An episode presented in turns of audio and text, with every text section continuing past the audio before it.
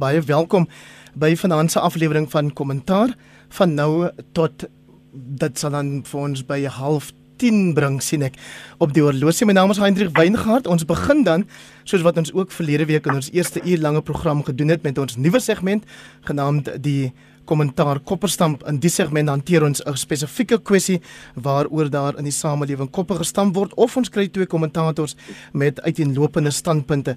So vanaand is ons eerste gaste Connie Mulder, hy is die navorsingshoof van die Solidariteit Beweging. Naand uh, Connie Uh, Naand Hendrik. En dan saam met hom Gert van der Westhuizen wat die stemme redakteur of die meningsredakteur is van Netwerk 24. Hallo ook aan jou uh, Gert. Goeienaand Hendrik en goeienaand Connie. En dan in ons tweede segment sal ons vir Theo Venter bekende politieke ontleder as ons saam met hom professor Francis Petersen van die Vrystaatse Universiteit en regter Johan Kriegler aan die woord stel om uh, hulle menings te hoor oor drie kwessies waarvan die een sal wees die president se toespraak wat hy pas gelewer het. Ons praat met Connie en met Gert oor die regte van mense wat bereid is om ingeënt te word teenoor die wat sê Hy kon ek wil dit steeds nie hê nie.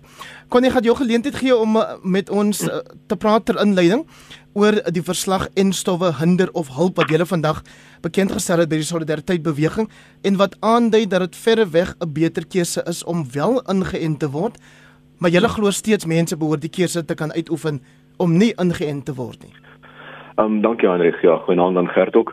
Ek dink um, ons moet begin by wat is solidariteit se posisie rondom uh, en ek dink ons het nou regtig breedvoerige navorsing gaan doen spesifiek gaan kyk na lande met hoë inentingskoerse en daar gefokus op hospitaliserings en sterftes weens COVID en uiteindelik is ons gevolgtrekking um, dat uh, die COVID inenting spesifiek die Pfizer, Moderna, Johnson & Johnson en AstraZeneca inentings uh, wel doeltreffend is met sterftes en hospitaliserings weens COVID beperk enig iemand wat die Wimbledon finaal gekyk het vandag sou sien dat Engeland uh, prakties oop is. Die pandemie is verby daar. Terselfdertyd 'n baie belangrike punt is dat dit uh, min of meer so veilig is soos ander enstowwe. Daar is 'n paar uh, skaars neeweffekte waarop gelet moet word, maar vir die meerderheid mense sal die voordeel die risiko ehm um, uh, beswaarder weeg as.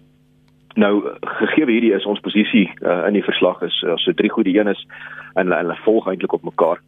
Die eerste een is dat ons aan as mense kies om hulle self te laat inent. Uh, aanbeveel dat hulle een van daai vier gebruik want ons dink hulle is doeltreffend en dan nou uh, veilig. Tweedens sal ons dan nou die reg om 'n uh, verpligte inenting of om inenting te weier as jy sê jy wil uh, ook verdedig. Ons sê ons ons is heftig teen verpligte inenting alhoewel ons dink en sou werk. Nou hierdie berus op op twee goeters. Die eerste een is net 'n klein morele argument wat sê ehm um, jong die reg op liggaamlike integriteit is nie 'n nie 'n klein een nie, dis 'n besondere groot reg. En dit beteken om dit aan te tas, moet jy baie baie goeie redes hê. Inteendeel die die geskiedenis is vol van voorbeelde waar mense gedwonge mediese prosedures ondergaan vir hulle eie beswil glo en waar dit baie sleg gaan. So dis hoekom ons wil nie eens 'n voet op daai pad sit waar ons begin uh liggaamlike integriteit aantas op enige manier nie.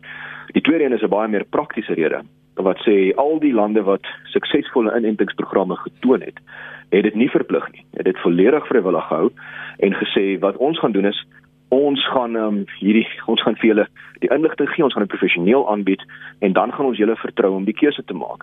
Nou hierdie is Hongarye is vir ons 'n baie goeie voorbeeld hier wat 'n uitsonderlik weerstandige bevolking gehad het. Um 50% van die bevolking was ten gunste van inenting in Desember 2020 en uiteindelik het hulle met 'n professionele aanbieding af van as ook 'n goeie inligtingveld tog hierdie um hierdie reg gekry dat hulle nou amper op helfte van die bevolking ingeënt staan.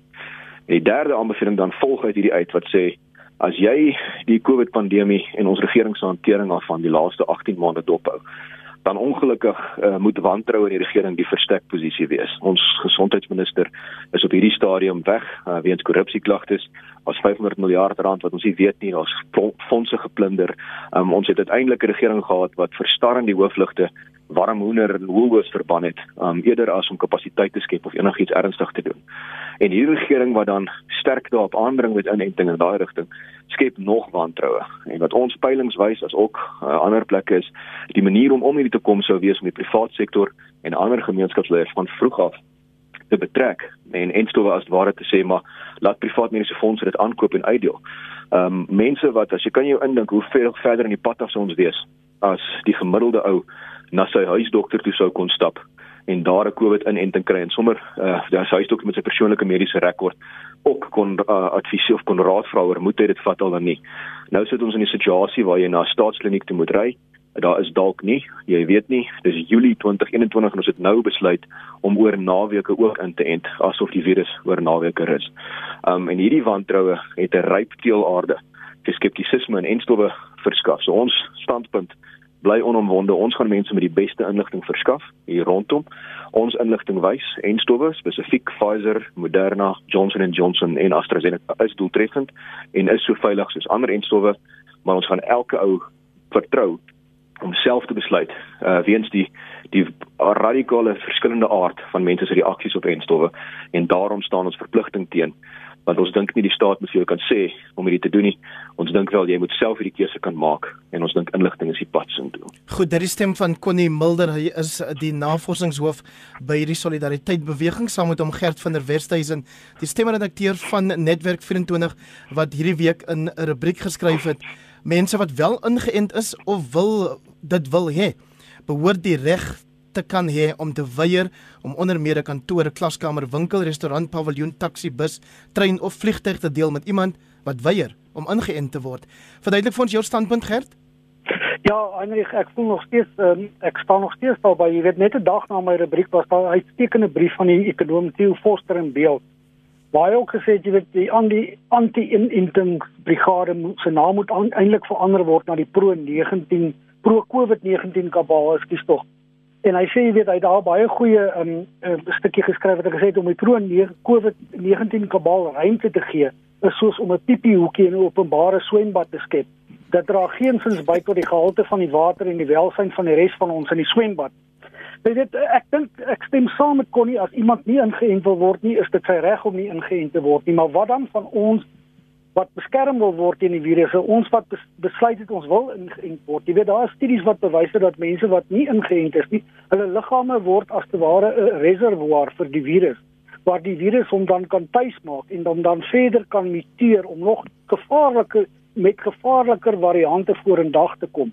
Jy weet so ek voel ook net mense moet dan die reg hê om teen hulle te beskerm te word. Jy weet ons het nou gesien baie plekke soos byvoorbeeld met die krieket in die Wes-Indiese eilande waar mense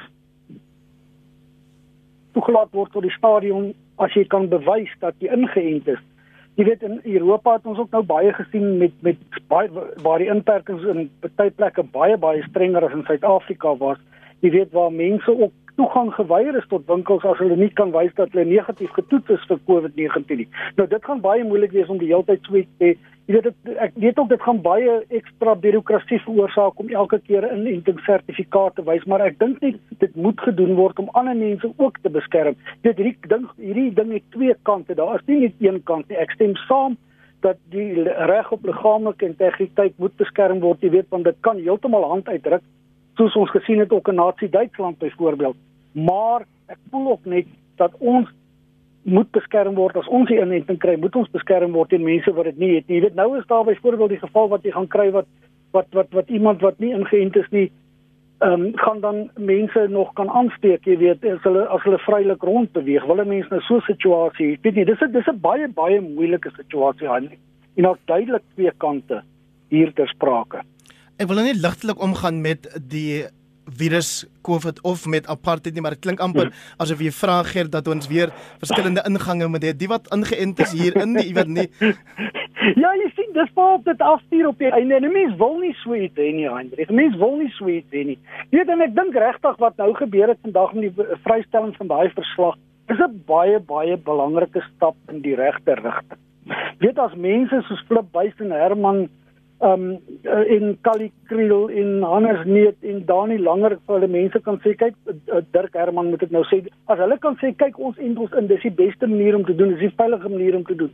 Dit is 'n baie goeie ding want ek kan 10000 rubrieke skryf en dit gaan niemand oortuig nie maar as mense se leiers na vore kom en sê ons het ons ingeënt doen dit ook want dis die beste vir julle. Jy weet die EFF het dit ook gedoen hulle het nou 'n bietjie onverantwoordelik gedoen maar ehm um, deur openbare optogte te hou en daar waar nie sosiale distansering of die dra van maskers was nie. Weet maar nou kan 'n mens sê mense is nou baie krities oor die betogings die laaste tyd. Die president het hom ook vanaand sterk daarteen uitgespreek. Jy weet dis mense wat die maatreël openlik veronagsaam. nou voel ons hulle houe gevaar vir ons en mag geld dieselfde op nie net vir mense wat hulle nie wil laat inheen kon jy jou reaksie op Gert se standpunt dat regte nie net tot die een kant van die enstof debat beperk behoort te word nie. Maar um, Heinrich, ek dink jy jy vat dit mooi raak en intedeel, um wanneer ons nou hier praat van jou reg om om veilig te wees in die publiek, uh, dan is dit dis 'n moeilike area waarop ons wil beweeg as jy nou sê ek het die reg om nie langs 'n siek mens in die in die winkelsentrum te wees nie. Um dis 'n baie moeilike een om te probeer afdwing want uh, selfs voor hierdie as iemand nou met griep opgedaag het en gestel jy het 'n uh, immuunsiekte wat jou baie vatbaar maak, het jy nie noodwendig kon geweet het nie. Ek is wel baie bang vir die situasie wat jy beskryf, reg. Uh waar ons skielik ongelooflike onderskeid begin tref in die samelewing tussen ons en hulle en ons mense wat eintlik um, net hulle grondwetlike reg uitoefen of ons daarvan hou of nie skielik probeer begin diskrimineer en in 'n hoekie sit. Um, ons siening bly en dit is dis die ding is die manier hier uit en dis die praktiese ding. Ek dink um, ek en Gert wil dieselfde uiteinde hê. Wat is ons wil soveel van die bevolking as moontlik um, ingeënt hê ten einde hierdie virus te kan bekamp ten einde inperking te kan ophef en ten einde net weer terug te gaan na normaal toe. Um, en uh, die manier soontoe lê deur inligting. Maar in Suid-Afrika spesifiek uh, is ons van mening lê dit deur die private sektor volledig toe te laat om in die inentings uh verspreiding en aankope situasie in te kom. Um, as jy nou dis dis waar ons net nie kan verstaan nie. Ons het 'n regering wat geen inentings uh aangekoop het nie. Hulle het nie regtig eers enige planne gemaak in 2020 nie. En in 2021 toe dit uitkom dat hulle nie planne het nie en ander mense het planne, toe hulle besluit maar hulle gaan almal anders se planne op probeer stop. Hulle het nou as jy dink hulle keer uh, inentings goed, SAPRA met voorwaardes wat stel dat slegs die regering hierdie inentings mag aankoop. Nou, ons is nou in die hof om te sê ons wil hierdie goed privatiseer. En die rede hoekom ons dit wil doen is ons wil by 'n plek kom waar ons net ander kan die pandemie is waar jy nie hoef 'n uh, situasie te hê uh, waar jy die verdeling moet skep om 'n samelewing te laat funksioneer nie want dit is nie dis nie 'n normaal normale situasie waar mense moet wys dat hulle ingeënt is teen goed ten einde te kan toegang kry tot plekke nie. Ja. Uh, ja. Uh, Gert, dink jy as Afriforum, ekskuus, as die solidariteit beweging waarvan Afriforum deel is, vir ons sê hulle gee 'n soort van voorkeur aan Pfizer, Moderna, AstraZeneca en die Johnson & Johnson en stowwe nie aan die Russiese Sputnik en nie aan die Chinese Sinopharm nie. As hulle nie besig dan om op 'n manier dalk onbedoeld um by te dra tot 'n verdere enstof agterdog nie. Eintlik ja, ek ek ek weet nie, dis ook 'n baie moeilike een. Jy weet, SAPRA het nog nie die Russiese enstof goedgekeur nie. Ek weet die Chinese enstof word daar die regeer eh, die, die president nou vanaand het goeie dinge oor hom gesê daar's mense wat beweer hy is net 60% doeltreffend weet dit soos dit elke mens reg is seker om te besluit wat 'n uh, uh, of hy die inenting wil kry of nie is dit seker sy goeie reg om besluit watter enstof hy wil gebruik jy weet maar ek wil net gou-gou weer terugkeer na na die virus jy weet ons het nou gesien in Europa veral en ook in Amerika uh, jy weet die laaste afgelope klompie jare wat mense masels en stowwe geweier het. Jy het waar ook sogenaamde celebrities soos Oprah Winfrey na vore gekom het en hulle self uitgespreek het teen inenting. Jy weet dat masels epidemies weer uitgebreek het in plekke waar jy gedink het dit lankal al uitgewis is. En dit het daartoe gelei dat in veral Australië sien ek en in selfs in sommige Amerikaanse state, as jy jou nou weier om jou jou kind teen masels in te en dan verbeur jy sekere voorregte. So jy weet jy gaan daai tipe ding op begin kry wat jy dan seker voorregte moet verbeur. En dis nie iets wat 'n mens wil sien nie. Jy weet, ek dink net regtig 'n mens moet die mense die heeltyd voer met baie baie goeie inligting en ek ek verstaan heeltemal wat kon jy hulle sê dat mense agterdogtig is hier in die regering. Ek dink dit speel 'n geweldige groot rol. Ek dink die eerste enigste die nie die enigste maar die grootste grootste fout wat die regering begaan het in die hele 19 COVID COVID-19 krisis is met enstowwe. Die gesloer om enstowwe aan te koop, die stadige verspreiding van enstowwe. Jy weet nou wil die regering die hele proses mikrobestuur. Dis dit dit kan nie gebeur nie. Jy weet en ek dink regtig dit daar moet soveel hulp moontlik van die private sektor ingeroep word. Jy weet ek het my inenting gekry by Discovery en dit het dit dit het soos geoliede masjien gewerk daar. Jy weet en mense wil graag meer sulke goed sien. En ek dink ook regtig nie mense moet ook begin kyk na mense wat anti-inenting propaganda versprei. Jy weet mense moet baie versigtig daarmee wees. Ek sien Facebook het dit nou al gestaak en jy weet as ek 'n uh, plek op Twitter waar dit gestaak is en so. Weet uh, die die reg tot vryheid van spraak kom ook hier uh, ter sprake. Jy weet en baie mense sal vir jou sê jy kan nie uh, skree daar's 'n brand in 'n volgepakte rolprent teater as daar nie 'n brand is nie. Jy weet en baie mense sal sê anti-inentings veldtogte uh, kom op dieselfde neer, jy weet. En ek dink daarom is dit baie baie belangrik dat meer rasionele en verantwoordelike mense ware inligting oor die enstowwe versprei, dan sal dit vir ons beter gaan in die toekoms met ons almal dink ek.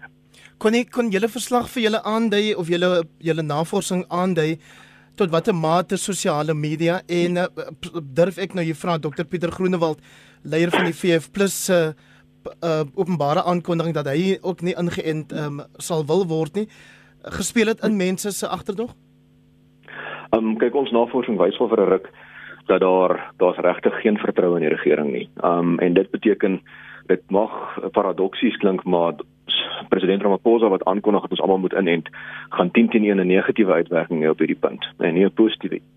Ehm um, nou wat jy dan moet doen as die regering is jy moet eerlik na jouself kyk en jy moet sê maar hoe maak ons seker dat ons hierdie reg kry? Ons doen in die die enigste manier is mense vertrou gemeenskapsleiers, hulle vertrou hulle huisdokters en hulle het al hoe meer begin draai na sosiale media. Nou daar is waar ek uh, fascinerend genoeg uh, sien ons dit uitspeel eerstens uh, in tyd is dat om um, daar verpligting van sekere inligting toe te pas. Wat ons nou sien met Facebook en Twitter wat sekere goed net afhaal, het presies die teenoorgestelde effek. Um inteendeel, nou skielik lyk dit soos 'n sameswering pro en stof en dit verhoog wantroue en verhoog agterdog in 'n land wat reeds baie lae vlakke van vertroue in amptelike kommunikasie het, het dit die teendeel reg gekry. En uh, daar is ek saam met Gert 100% wat nodig is hier is ons moet al die inligting op die tafel sit. Ons moet soveel as moontlik betroubare inligting na vore kry. Um en dan moet mense ideaal kan 'n keuse maak wat vir hulself die beste is.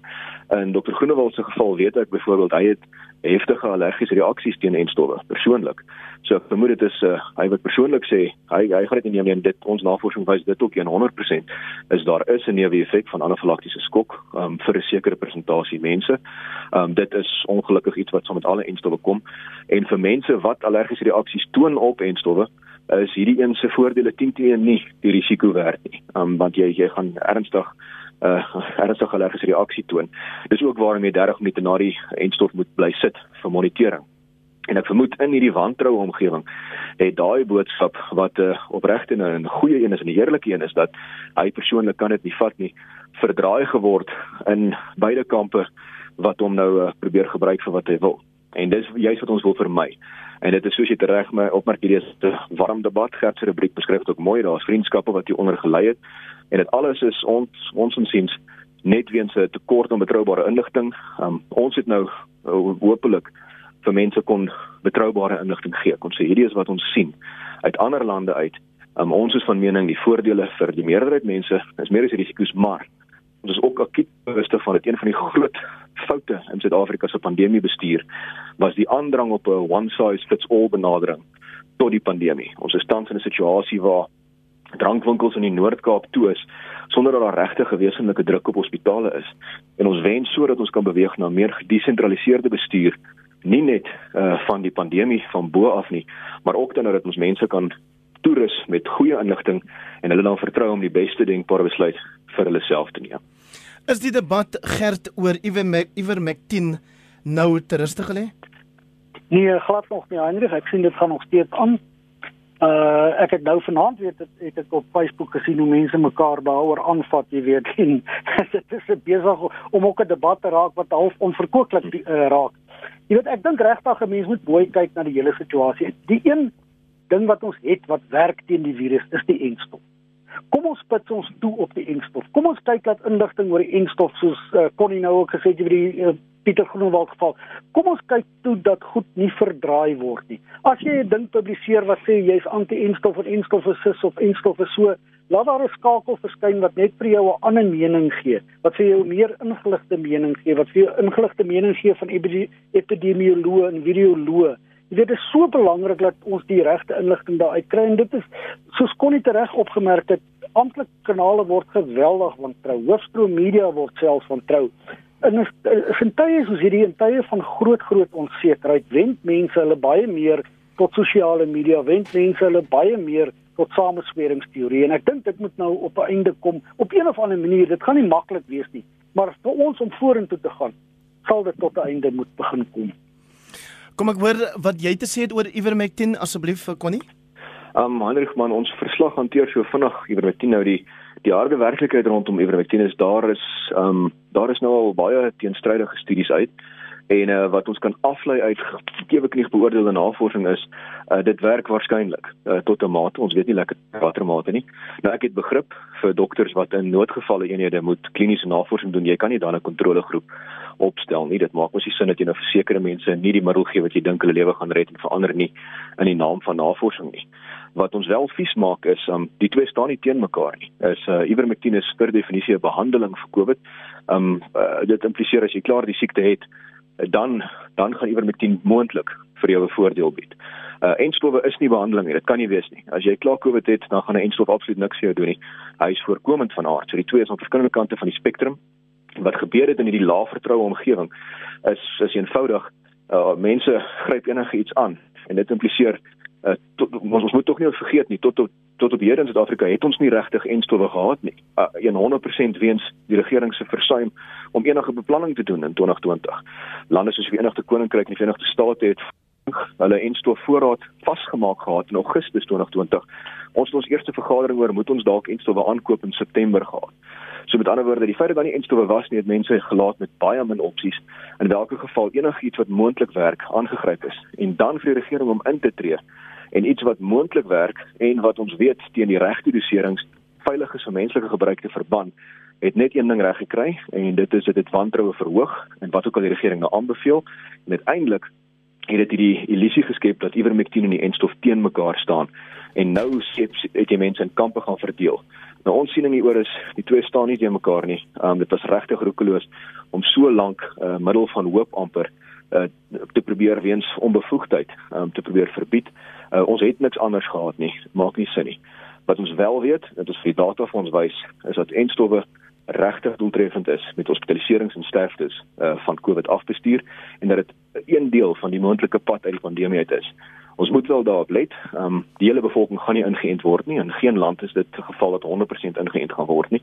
En mense gaan nog COVID kry. So ons kan nie nou gaan slap lê en sê ons moet nie nou verder navorsing ja. doen oor behandeling vir COVID nie. Ja. Ons gaan steeds mense moet behandel vir COVID. Ons gaan steeds moet weet hoe kry ons die beste uitkomste vir die mense. Nie goed staan in spanning met mekaar nie. Is behandeling teen voorkoming en die twee saam kan hierdie pandemie dink ek uh, hopelik tot 'n einde bring. So Gert, ek gaan jou nog 30 sekondes gee om net vir ons te sê of jy dink die regering kan inhaal. Ons praat gereeld oor jy weet dat ons baie laat en stadig uit die wegspringblokke uit ehm um, weggespring het. Ja uh, Heinrich nie alleen nie. Ek dink die grootste fout wat ons regering gedoen het is hulle het alleen met 'n bevelsraad van bo af probeer 'n pandemie vir miljoene mense bestuur en dan eindig jy in situasies waar 600 tot 700 000 uh, werkers in die alkoholbedryf uitvind hulle het nie meer werk op 'n Sondag aand nie. Ja, kyk dis baie belangrik wat wat wat kon nie daar sien.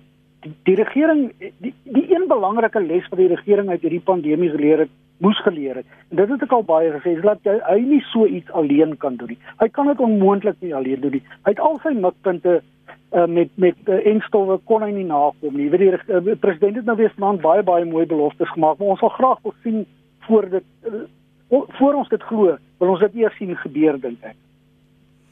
Dit is stem van Gert van der Westhuizen. Hy is die stemmeredakteur by Netwerk 24. Saam met hom vanaand Connie Mulder. Hy is die navorsingshoof by die Solidariteit Beweging. Verskriklik baie dankie vir julle twee se insette. En uh, ons hoop ons sal binnekort weer julle op die program kan kry dan Gert van der Westhuizen en Connie Mulder. En uh, nou sal ek vir hulle groet en dan sal ons die drie kommentators vir ons hoofbespreking van die aand aan die woord stel. Hulle is naamlik Theo Venter, onafhanklike beleids- en eh, politieke ontleder saam met hom regter Johan Kriegler en ook professor Francis Petersen van die Universiteit van die Vrystaat. So ons begin met 'n kwessie waaroor die president ook gepraat het en dit is naamlik die gewelddadige proteste wat ons sedert die begin van die naweek sien in veral KwaZulu-Natal Theo wat veronderstel is om 'n reaksie te wees op die inhegtenisneming of die opsluiting van Jacob Zuma maar 'n mens weet nie of dit noodwendig die geval is as jy hoor dat iemand hier in Johannesburg vanmiddag gesê het hy reken dit gaan oor dit dat mense wil hê die drankplekke moet weer geopen word. Jou reaksie op die geweld? Ehm um, ja, ehm um, Heinrich, mense het mense het sneller in terme van sosiale konflik. Dan word dit goed wat iets um, veroorsaak of afskop. En dan het jy tweede orde gebeure en dikwels daarop volgend opportunistiese uitbuiting van die gebeure. Ek dink wat ons gesien het oor die laaste paar dae is duidelik 'n politieke reaksie. Die politieke reaksie het natuurlik oorgespoel in geweld en die geweld soos wat ons dit ken, jy steek 'n groot vragmotor aan die brand. Daar is 'n klomp mense wat in die omgewing toe kyk, daar's altyd toekykers en dan ontstaan daar ehm um, die die die steel van inhoud en die smeer en dit is dan die omringende effek en die uitbuiting daarvan. So dit is baie moeilik om die snellers van konflik te onderskei van die uit die op uit uh, uitlopend uitlopers of omkringende effekte. En dis ongelukkig wat ons nou sien. En die faktor wat hier baie belangrik is is die hantering en die en die beskerming van wet en orde. En ek het dit al van tevore op die program gesê die polisie is in alle waarskynlikheid ons swakste skakel in ons veiligheidsstelsel in Hebreë ek is bly om te kan sê dat hulle strenger en en en meer ehm um, uh dringend optree sedert maandag, dinsdag, woensdag verlede week, maar ek dink daar kan baie meer gedoen word deur die polisie veral met betrekking tot voorkomende optrede. Wat op die oomblik gebeur is dat daar 'n fokus geplaas word op die gebied Johannesburg tot by Durban langs die N3 af. En dit is 'n sleutel tot die Suid-Afrikaanse ekonomie, die N3. En ek dink nie ons kan toelaat dat dit lam gelê word soos wat dit tans gebeur nie. Regter Kriegler, die president het vanaand gesê die oppergesag van die reg of hy dit benadruk liewers en ook beloof dat daar wel opgetree sal word teen hierdie misdadigheid en vandalisme. Wel, ek dink daar's geen Suid-Afrikaner van gesonde verstand wat van die president kan verskil nie. Inteendeel, ek dink ons ons ondersteun iedere ene wat hy sê. Dit gaan hier nie enkel en alleen om die geweld en die beskadiging van eiendom nie. Dit gaan om 'n baie dieper, belangriker beginsel, naamlik die regsorde in die land, die veiligheid van ons bestaan, die behoud van ons eh, lewens verhoudings in gevolge die grondwet. Hier daar is op die oomblik deur sommige seker beplan om geweld te gebruik as 'n politieke middel. En ek meen dit is absoluut noodsaaklik dat daar met die nodige kalmte deur fermte gewys word getoon word ondubbelsinnig getoon word dat dit nie geduld word As jy oortuig professor Petersen dat hierdie geweld en hierdie vandalisme wel te doen het met steun vir Jacob Zuma? Heinrich, uh, ek ek ek sien so saamstem met uh, met Theo se kommentaar. Ek dink dit is 'n kombinasie van van dit. Uh uh in in um, op, as as 'n basis sou ek sê dat daar wel 'n uh, baie groot element is daarvan as ondersteuning vir uh, oud president Zuma. Maar dat jy in hierdie protesaksies en ons sien dit in in you know in waar dit ook gebeur in munisipaliteite of by universiteite of so aan waar jy opportuniste kry wat hierdie wat wat hierdie situasie totaal uit uit uitbuit. So ek dink is 'n kombinasie van die twee. En wat vir my baie belangrik is is dat daar dat die wat die president vanaand gesê het is dat daar moet effektief opgetree word. En en en daar leierskap en en en boodskap moes baie baie duidelik deurkom wat wel deurgekom het. Maar dit moet ook kom van ander politieke leiers. Want het, omdat dit 'n kombinasie is van van van van dinge uh is is die politici natuurlik baie belangrik om ook daai boodskap uit te bring. En dan moet ons die reg uh die polisie en en en die regsdienaars moet dan intree. Want uh want elkeen van ons in hierdie land is geregtig op 'n op 'n veilige omgewing, is geregtig op 'n op 'n baie sterk uh um of 'n op opbou van die ekonomie en hierdie situasie uh 'n plaas risiko op al op al daai twee aspekte. So ek sê 'n kombinasie van die twee, maar sterk leierskap op alle gebiede is nou nodig.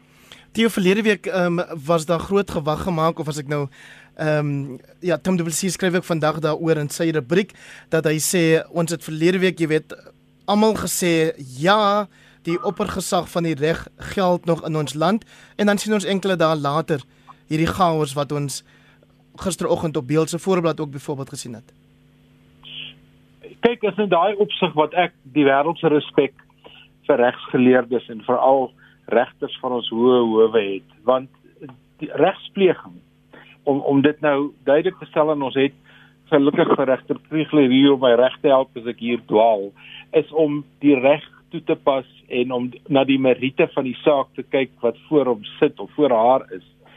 Wat op die sosiale media aangaan en wat op die boodskapies aangaan wat rondgestuur word en wat met die toi toi voor die howe gebeur en die soort van goed dink ek nie het so 'n groot invloed dink ek om die waarheid woord geen invloed te hê op regspleging nie. En wat ons in Suid-Afrika nou sien is dat met die met die aanloop tot ehm um, oud president Zuma se inhegtenisname en die ding het duidelik 'n uh, ehm um, 'n uh, paadjie geloop om te kom tot waar hy nou is is daar 'n baie duidelike alternatiewe storie van my geleerde kollegas praat van 'n narratief. Daar's 'n ander storie wat geskep word. Daar's 'n ander verduideliking oor wie en wat is skuldig in in al hierdie soort van goed. En wat Suid-Afrikaners op die oomblik dan luister, is hierdie twee stories. En as ek 'n keuse moet maak, dan volg ek die storie wat hom in die howe afspeel, gebaseer op feite, gebaseer op 'n lang verhaal wat hom afspeel en nie na die alternatiewe storie wat op die oog af 'n klomp propaganda is en op die oog af 'n poging is om een man te lyk as 'n slagoffer terwyl ons weet wat gebeur het oor die afgelope 10, 15 jaar. En uh dit dink ek is waarop daar gefokus moet word. Regter Krieger, jy sou weet dat oud president Zuma se dogter Dudu byvoorbeeld een van dies wat veral op Twitter um skynbaar hierdie geweld aan wat sê mense nou ondersteun um, met uitroepe soos Amandla by fotos en uh, video materiaal van hierdie proteste. Jou reaksie daarop? Uh, uiters onverantwoordelik inderdaad misdadig. Uh, maar dis op hierdie stadium gaan dit om 'n openbare beeld uh mededinging. En, en ek meen nie daar is genoeg teenmiddels op hierdie stadium vir Manji en sy metgeselle se leuns nie. Die hoewe is ongelukkig stom. Hulle praat in die hof en nie buite die hof nie. Hulle behoort buite die hof verdedig te word deur politici. Die wat dieselfde belang het as die hoewe by wet en orde en handhawing van iedereen se reg om te lewe in vrede en in uh in welstand in ons land. Die narratief so stief dit genoem het, moet nie toegelaat word om in die hande van die Zumite verwring te word nie. Feit van die saak is die man het die hof getreiter uit die hof geminag. Hy het inderdaad altyd weggeskram daarvan om te gaan verduidelik wat sy rol was in die staatskaping. Dis waarom dit gaan. Dis nie 'n slagoffer nie. Dis 'n man wat geweier het om saam te werk om agter die waarheid te kom. Daardie storie word nie voldoende vertel nie. En ek meen dis 'n probleem daar is 'n openbare skakelprobleem op hierdie stadium om diegene wat werklik gewelddadig wil optree en uh, ter ondersteuning van oud president Zuma moet daarom teëgespreek word. Die geweldenaars die, die wat wat, wat eintlik net hulle self wil help aan aan ander mans goed onder dekmantel van politiek moet natuurlik betreklik hard aandag mee gewerk word. Professor Petersen, sou jy sê dis voortydig of onakkuraat om nou te vra of wetteloosheid 'n vrypas gekry het in ons land ten spyte van die president se dreigemente vanaand, maar as jy kyk na die polisie se algemene optrede van verlede week, wat was dit Dinsdag, Woensdag af? Ja, ek sou nie sommer daardie stelling maak nie, Heinrich. Ehm um, ek dink oor die afgelope paar jare uh, ons ons ons moet ook na na protesaksie en hoe persone opgetree het in munisipale protes en so aan ook in ag neem. Uh, en en en op ander verskeie vlakke waar daar ook protes aangeteken was en waar daar ook geweld ingekom het en waar daar miskien nie so effektief opgetree was nie. So ek sien dit in dieselfde lyn. Ek dink wat ons hier het nou is 'n uh, um, is 'n situasie waar uh daar effektief opgetree moet word uh om die boodskap op om um, die boodskap oor te dra dat uh, ons aanvaar nie hierdie geweld nie maar ongelukkig uh um geweld weet jy kan geweld met geweld beveg en die reg is daar om dit om dit te hanteer. Maar in hierdie situasie is daar ook baie baie sterk politiek betrokke. En dit wil sê die die die die reg en die polisie self dink ek nie gaan nie alleen die oplossing uh, uh op die tafel sit nie. Daar moet 'n uh, daar moet baie baie sterk ondersteuning ook kom van ander politieke leiers. Maar ek ek ek ek sou nie sommer daai oopstelling maak om te sê dat wetteloosheid uh het oorgeneem nie.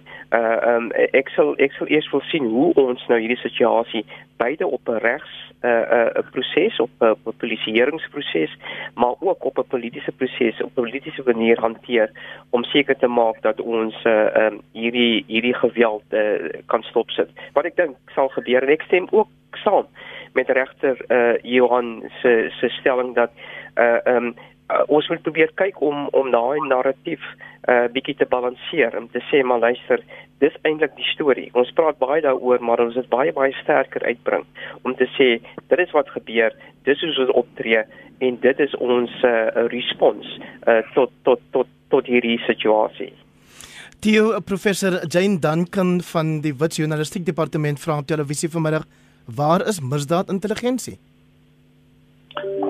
kyk, dit is 'n baie groot probleem wat ons het. Ehm um, kom kom ek probeer vir jou die dinamika van so 'n uh, veldtog ehm um, verduidelik. Daar is aanduidings dat iets gaan gebeur en dis gewoonlik uh sien nou maar 'n maand, 2, 3 weke voor die tyd beskikbaar. Dit moet ehm um, deurlopend geëvalueer word, maar dit wels is die beplanners van so 'n veldtog is uh is is nie dom nie. En ehm um, die die sukses van so 'n veldtog is gewoonlik dat dit op 'n paar plekke gelyktydig ontvlam. En dan uh, word die bronne van die staat baie baie baie wyd um, getrek en en jy het baie keer 'n probleem dat jy nie al jou toerusting, jou waterkanonne, jou hierdie jou daai goeders op verskillende plekke kan toepas nie en nou vra die mense maar het julle dan nie inligting gehad nie en nou weet ons as ons kyk dis nie net die ANC wat intern met homself in 'n soort van 'n oorlog verkeer nie, maar die top ehm um, bestuur van die polisie, die generaals. As ons kyk na wat in die Wes-Kaap aangaan 'n paar ander plekke, dan is daar duidelik nie eenheid van missie onder die top polisie bestuurders in hierdie land nie. En dit is 'n kritiese voorwaarde. As jy jou intelligensie goed wil bestuur en as jy vertroue moet hê in die mense wat vir jou inligting gee en dat jy die inligting kan vertrou. En ek dink en dit is hoekom ek vroeër ook gesê het ek dink die swak skakel in hierdie proses bly vir my die polisie. As daar een instansie is wat ernstig ondersoek en ernstige transformasie moet ondergaan en nou gebruik ek die woord transformasie in sy konstruktiewe sin met ander woorde ver, verandering met verbetering in my oë, dan is dit beslis die polisie want ehm um, dit is nie net dit wat nou gebeur het wat 'n hoë druk op die polisie plaas nie, maar die uitvloei van COVID-19, ehm um, hongersnood, mense wat nie werk het nie, uh, 'n uh, baie hoë werkloosheidskoers, al hierdie goed plaas baie baie hoë druk op die polisie en die een ding wat ons wil probeer vermy is om die weermag betrokke te kry in die handhawing van wet en orde in die binneland. Dis nie 'n gesonde ding nie en dit word net op die uiterste gedoen. So die fokus moet op die polisie wees en hoe hulle hulle eie um, bestuur op die oomblik doen. Laaste punt is net selfs selfs die inhegtenisname by Nkandla. Ehm um, ek dink ek het dit eers in 'n onderhoud gesê. Toevallig het ek so 3 jaar gelede van die see af teruggery en toe vra ek my vrou toestemming om daarom net by 'n kandla langs te ry dat ek daarmee sien waar is die plek en my eerste gewaarwording natuurlik uit my kindertyd toe ek so oor 'n bultjie kom was ehm um, Kanda lyk vir my so bietjie na 'n Rondalia vakansieoord van die 60e jare. Maar daar's net twee paaie in Kandla toe. Met ander woorde die operasionele plan vir wat mense daar moes doen kan tog nie te moeilik gewees het nie. So ek dink daar moet ook baie vrae gevra word oor hoe die polisie dit bestuur het. Die fokus môre regter Krigler is op 'n ander heuwel en dis die konstitusionele hof by Constitutional Hill maar dit sal virtueel plaasvind waar daar besluit moet word oor die aansoek of die aansoek aangehoor sal word van uh, Zuma dat hy dat sy vonnis ter syde gestel moet word. Wat dwaal of of gaan in jou kop aan vanaand oor wat môre daar op die heuwel sal gebeur? ek ek dink jy die regte woord gebruik. Wat dwaal in my kop rond? Onder andere is ek goddank bly ek is nie meer in Braamfontein in daardie hof nie. Dit is 'n uiters uiters moeilike verantwoordelike besluit wat môre geneem moet word. Juridies is dit eenvoudig.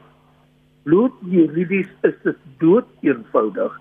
Daar is geen juridiese vooruitsig op sukses vir die Zuma saak nie dis nie 'n appel nie, dis nie 'n heroorweging nie, dit is regtens gesproke 'n aansoek wat alleen in baie beperkte omstandighede gebring kan word. Nie een van daardie omstandighede is hier teenwoordig nie, maar dit is bloot die streng juridiese benadering. Die hof is midde in die politiek ingesleep. Dit weet ons dit is Theo ook al reeds onderstreep die besluit môre sal soos jy dit reg gevra het wees is die aansoek hoegenaamd ontvanklik prinsipieel juridies dit sê daar 'n 'n omkeer is 'n bekentenis is 'n verskoning is 'n 'n 'n aansoek om vergifnis vir wat verkeerd gedoen is is daar prinsipieel juridies geen vooruitsig op sukses. Wat die hof in die omstandighede sal doen, weet ek nie en ek wil nie op spekuleer nie. Dit sou onbehoorlik wees. Maar ek herhaal, streng regtens gesproke is dit 'n een eenvoudige saak. Hoe belangrik uh, Francis Petersen is dit dat die konstitusionele hof, as ek nou die uitdrukking mag gebruik, behoorlik afreken met Jacob Zuma? ja, ek ek vir my is dit vir my is dit seker belangrik dat uh, daar daar's twee twee aspekte vir my. Ek dink die die feit dat eh uh, uh, wat in die Hooggeregshof gebeur het in Pieter Maritzburg was vir my uh, uh, uh, uh, 'n 'n uitstekende uitslag uh, in die manier hoe die hoe die die regter dit hanteer het in terme van die hiërargie van die verskillende howe. En ek dink die konstitusionele hof vir my is dit is dit belangrik as ek na professor na uh, regter Johan Krieger ook luister is daar vir my net basies een uitslag uh, maar uh, um, in 'n hof weet dit alles alles moontlik ek is nie regskenner nie maar um, ek dink ek nooit regtig bes, beslis wat 'n hof probeer of hoort behoort te sê nie. Maar vir my is dit belangrik dat die konstitusionele hof uh uh um in lyn bly met wat hulle aanvanklik uh, uh besluit het uh, en wat die vonnis was. Uh um en dat uh, en dat vir my daardeur uh uh, uh op die op die regs manier uh uh um, die demokrasie kan kan kan seëvier dat die regsproses vir my korrek uh, uh, uh, verloop het. So dit sal my my fokus wees. Natuurlik is daar ander aspekte soos as daar 'n verskoning is of daar is 'n uh, 'n feit van uh, um, ek is jammer oor wat gebeur het en ek vra vir vergifnis, is daar miskien ander dinamiek. Maar as dit van my afhang, sou ek sê dat die konstitusionele hof moet bly behou wat hulle al reeds besluit het uh en en en en en en dat dat die regsproses op daai manier uh uh deurgevoer word en dat die konstitusionele hof uh uh net vir ons weer eens uh, kan bewys dat niemand is verhewe bo die hof nie en dit is vir my uh, of uh, bo die reg nie en dit is vir my die primêre boodskap uh wat ek graag wil hê die konstitusionele hof moet uitdra uh uh, uh na hulle besluit môre. Hendrik um, Francis en Regter Kriegler is is natuurlik 100% reg. Ek dink hulle uh, maar ek wil net 'n politieke dimensie bring op hierdie gesprek van ons en dit is president Zuma is 'n ou politieke jakkals. En sonder om dit nou lelik te bedoel.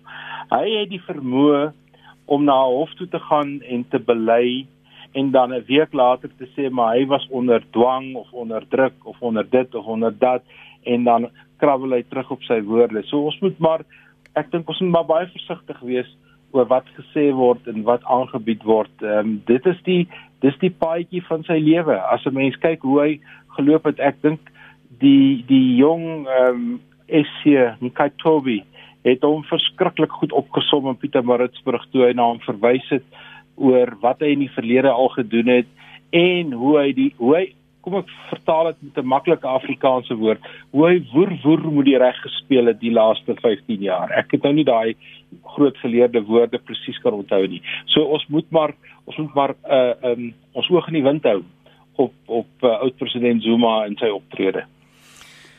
Ek sien op die televisie dat daar word berig een persoon is doodgeskiet in Durban se middestad en dan wys hulle beelde van mense wat 'n drankwinkel plunder daar. So so dit lyk my die president gaan baie gouer sy minister van polisie moet kry om op te tree teen die gebeure waarna hy verwys het toe hy vroeër met ons gepraat het regter Kriegler en beloof het dat daar opgetree sal word teen mense wat hulle skuldig maak aan dit wat ons oor die naweek beleef het. Jou reaksie?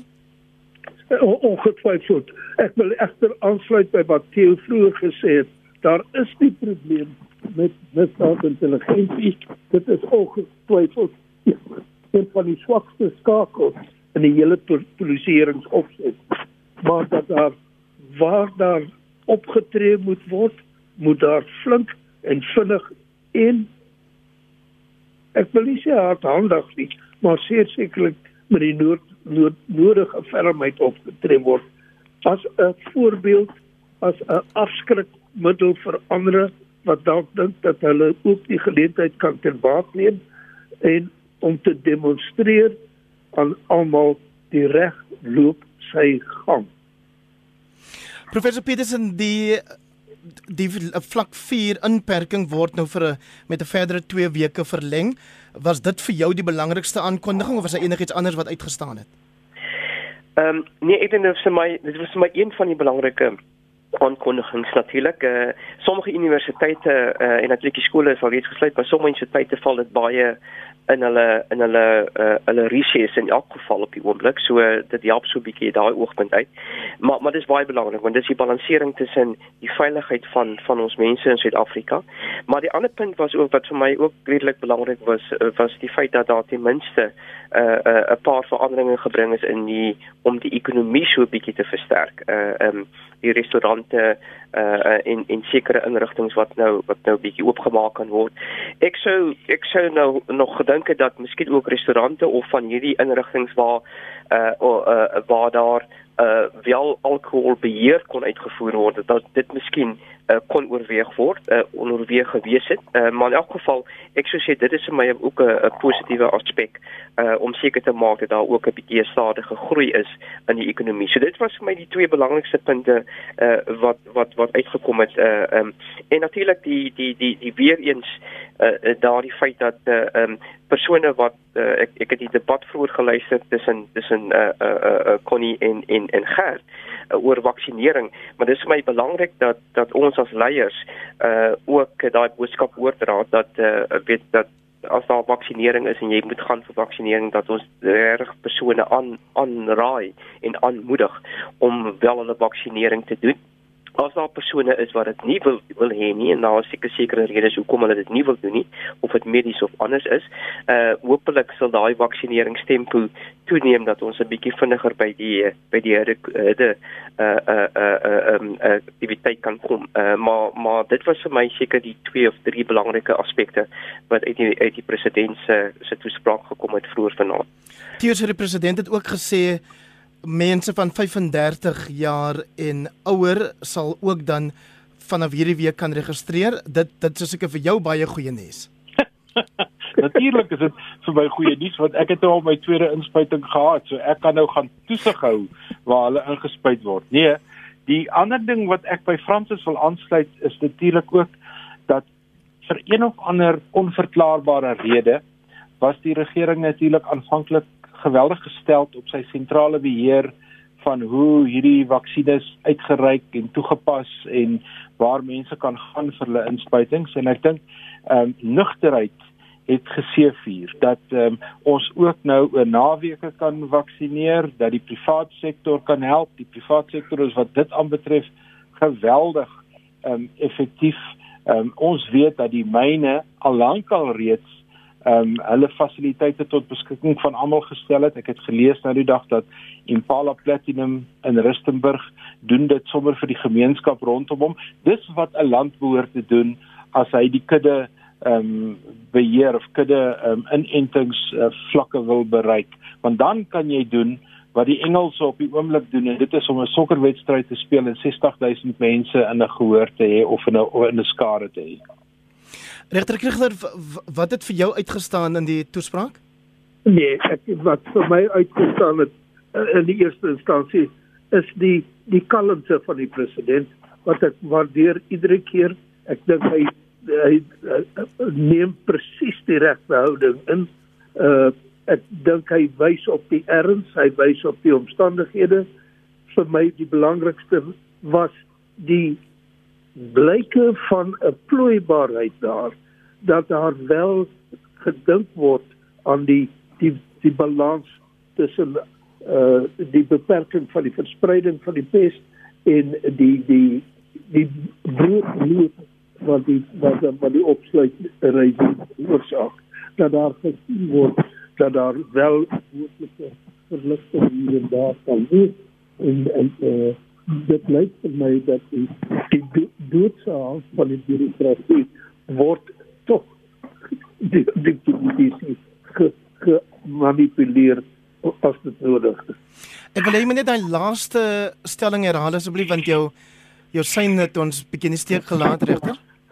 Ek sê dit is dit uh, vir my uh, bemoedigend dat dit dat lyk dat die regering die politieke leerders inderdaad bereid is om in te meng waar die beter as van die bureaukrasie sou sê geen drank ikabot met alle openbare voedselplekke dat daar gif word. Ons kan hier die die die, die behoud er effektief word.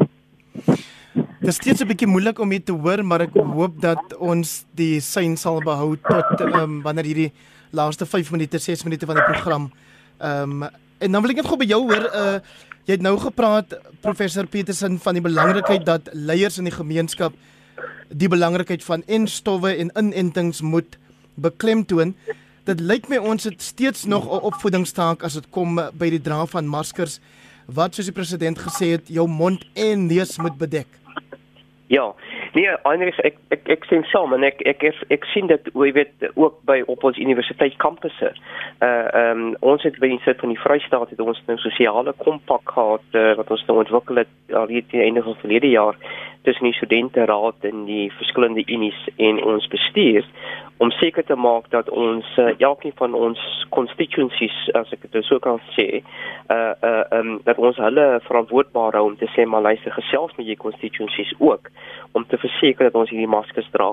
En en ek dink ons moet maar net aanhou. Weet dit is soos dit is amper soos jy wil kultuur verander. Uh dit is iets wat nie oornag gaan gebeur nie en ons wil maar net konstant daarmee aanhou. Maar ek wil net net een iets anders uh, aansluit wat wat Theo vroeër genoem het in terme van um, weet jy kan nie noodwendig hierdie vaksinerings of die hele 'n uh, 'n uh, uh, pandemie uit 'n sentrale manier 'n uh, uh, basis uh, bestuur nie.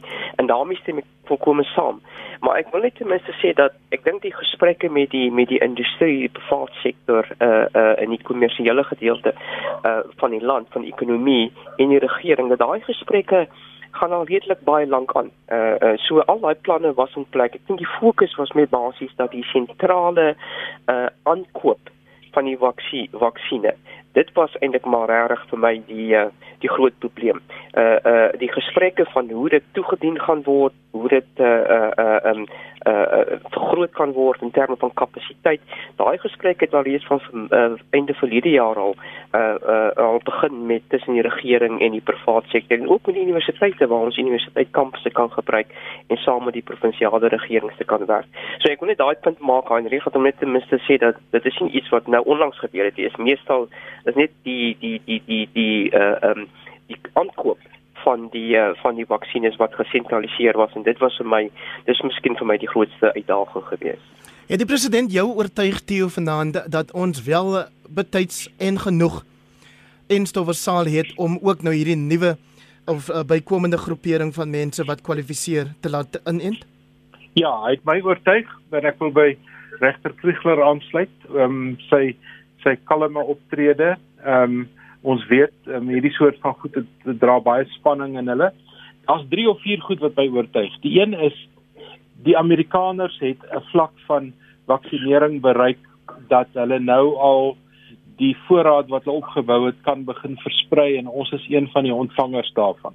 Miskien moet ek ook net noem in Amerika is daar net so groot probleem in die FSA oor mense wat 'n soort van 'n anti-inentingshouding, 'n anti-vax houding inneem en 'n spotprentjie wat ek vanmiddag gesien het uh, wys 'n 'n donkie met die water waar die spotprent sê jy kan my tot by die water drink jy kan my tot by die water bring maar jy kan my nie maak anders jy kan my nie maak anders dink nie. En dit is 'n probleem wat ons het um, in in baie van hierdie um, gevalle. En dan die tweede rede is die die vervaardigings um, opsies. En 'n derde ene is natuurlik Suid-Afrikaanse universiteite self Ehm um, ek weet van twee of drie wat baie hard werk um, om 'n om 'n interne vermoë verder te ontwikkel en ek dink um, ons het laat begin. Ons het die pap op die grond laat val aan die einde van verlede jaar, maar ek dink ons stel nou stadig aan spoed op. Dit soos ek vanaand geluister het, is om en by 5 miljoen mense al ingeënt uit 'n bevolking van 59 miljoen. So ons is hier om en by die 10%. Dit beteken ons doen aansienlik beter en as ons dit nou ehm um, 7 dae 'n week gaan doen, behoort ons so oor 2-3 maande baie beter lyk te lyk as wat ons nou lyk. Regter Kriegler, dink jy die dood van 'n bekende persoon soos die Johannesburgse uitvoerende burgemeester Jeff Makubo hierdie week dra by tot 'n bewusmaking van mense van hoe ernstig hierdie virus is? Ek dink dit kan ek dink dit doen dit noodwendig van selfsprekend nie ek dink dat weer eens as die openbare skakelwerk rondom hierdie problematiek nie bevredigend nie. Dat moet jy moet beide die wortel en die stok moet jy jy moet kan bang maak, maar jy moet ook 'n appel kan maak op mense se burgerplig, op hulle verantwoordelikheid op op hulle sin van maatskaplike verantwoordelikheid. Dit dis ons plig as jy gesien word in openbaar sonder 'n masker is dit eintlik 'n uh, 'n uh, 'n uh, 'n swart merk teen teen jou die, die trots enerzijds en die in die vrees anderzijds dink ek moet gebruik word beter as wat ons dit op die oomblik doen. En reken jy uh, professor Petersen dat ons wel van oppositiepartye kry wat ons behoort te kry in terme van hoe hulle reageer of die bydrae wat hulle maak in die bevegting of die ja, om om hierdie virus te hanteer in ons land? Ja, ek dink van sommiges eh uh, uh, kom daai boodskappe baie sterk deur. Ehm um, ander is nie noodwendig nie. Ehm um, ehm um, hulle mag dit sê maar as as jy kyk na sommige van die optogte wat gedoen was uh, die afgelope paar weke eh uh, waar groot samentrekking was polities van aard waar daar maskers nie eintlik veel gedra was nie en dat sosiale afstande nie nie nie nie getoon was nie. So so ek dink is is is, is vir my 'n uh, uh uh um, um daar's 'n paar wat dit doen, maar daar's 'n ander paar wat wat wat die praktiese gedeelte daarvan implementering daarvan die boodskap nie altyd saam belyn is nie. Maar maar ek dink oor die algemeen uh um weet jy het nou ver, verwys na die burgemeester uitvoerende burgemeester van Johannesburg. Maar ek dink oor die algemeen is daar seker nie een Suid-Afrikaner waar daar nie uh, of 'n familie of 'n vriend of iemand naby van jou, naby aan jou, uh, uh wat nie geaffekteer was deur COVID of wat miskien gesterf het daarvan nie. So ek dink die die impak daarvan is is is is, is daar. Maar uh uh uh, so, so ons moet ons moet kyk tot hoe mate daai die die die boodskap, die kommunikasie daarvan net konstant oorgedra word want die kommunikasie as dit nie gebeur konstant en konsekwent nie en ook deur die leiers self nie dan gaan jy sosiale media kry jy gaan persone kry wat boodskappe baie baie vinnig versprei wat wat wat wat by die teenoorgestelde is en daar is nie dan altyd iets wat kompenseer daarvoor nie. So so ek dink is is is kontinue volgehoue kommunikasie leiers wat toon uh en en en persone wat dit wat dit wat nie aan die uh, um aan die regulasies voldoen van COVID nie dat ons ook soos in die geval van van die protesaksies en die geweld dat ons ook begin te optree. Uh, uh en sê maar luister jy het nie gedoen nie en en en dit is die dit is die dis die konsekwensies daarvan. Sodat 'n mens eintlik as jy dit kan doen dan uh, dan dan dan dink ek daai boodskap gaan bietjie baie meer effektiewe manier bietjie uh, binne in persone uh, bly behou bly en verstaan hoekom dit so ernstige saak is. Baie baie dankie vir jou deelname vanaand professor Francis Petersen direkteur van die Universiteit van die Vrystaat. Saam met hom Regter Johan Kriegler, baie dankie ook vir jou bydrae en eh, soos altyd groot waardering vir jou insette Theo Venter, 'n politieke en beleidsanalis. Baie dankie ook vir julle wat ingeskakel het vanaand, so getrou soos elke ander Sondag aand en uh, ek wens julle almal 'n fantastiese gesonde week toe.